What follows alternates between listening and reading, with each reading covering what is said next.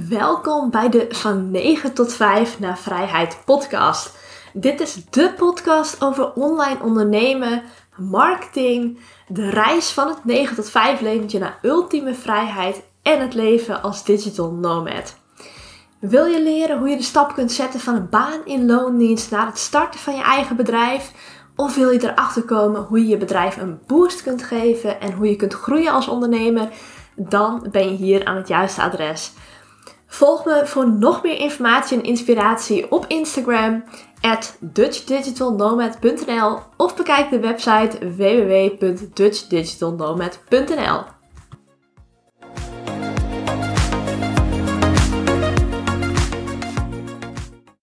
En ook voor vandaag, voor deze vrijdag, staat er een korte maar krachtige podcast op de planning. Waarschijnlijk heb je de titel al wel gelezen over het moeiteloos aantrekken van nieuwe klanten. Nou, ik ga je niet vertellen in deze podcast hoe je moeiteloos nieuwe klanten gaat aantrekken. Maar ik ga je wel vertellen over, ja, wat gebeurt er als je dat soort dingen zegt in je marketing. Ik had laatst namelijk een, in, de, in de DM op Instagram een gesprek met iemand over moeiteloos ondernemen. Of moeiteloos klanten aantrekken. En wij zagen dat beide heel anders. Zij dacht, bij moeiteloos ondernemen en moeiteloos klanten aantrekken, ja, echt dikke bullshit, dit bestaat niet. Want zij ziet onder moeiteloos een hele andere betekenis dan die ik zie. Als ik het heb over moeiteloos ondernemen, dan heb ik het over ondernemen vanuit een bepaalde flow, waardoor je geen zwaarte ervaart. En zij verstaat onder moeiteloos ondernemen ondernemen waar je niks voor hoeft te doen. Oftewel, je hoeft geen moeite ergens in te steken. Oftewel, je hoeft geen energie ergens in te steken. Dus er zijn twee hele verschillende opvattingen over moeiteloos ondernemen. En hetzelfde dus bij moeiteloos aantrekken van nieuwe klanten. Zij denkt dan bij zichzelf van ja, hallo, dat bestaat niet hoor, moeiteloos klanten aantrekken. Want je moet er altijd iets voor doen. Er is altijd werk wat jij moet verzetten voordat je nieuwe klanten kunt gaan aantrekken. Ben ik het ook helemaal mee eens. Alleen ik zie moeiteloos nieuwe klanten aantrekken als dat het bijna vanzelf gaat. Dat je bijvoorbeeld systemen het werk voor je laat doen. Dus ja, je, je steekt inderdaad energie en moeite in het maken van bijvoorbeeld een sales funnel. Alleen daarna loopt het vanzelf. Of de stories die jij opneemt, of de Instagram post die jij plaatst. Natuurlijk moet je er wel iets voor doen. Je steekt er wel energie in. Maar je vindt het zo leuk omdat je iets doet wat echt bij jou past en waar je echt van aangaat. Dat het voelt alsof je er geen moeite voor hoeft te doen. Dat is net zoals dat jij iemand helpt, bijvoorbeeld een, een goede vriendin help je ergens mee.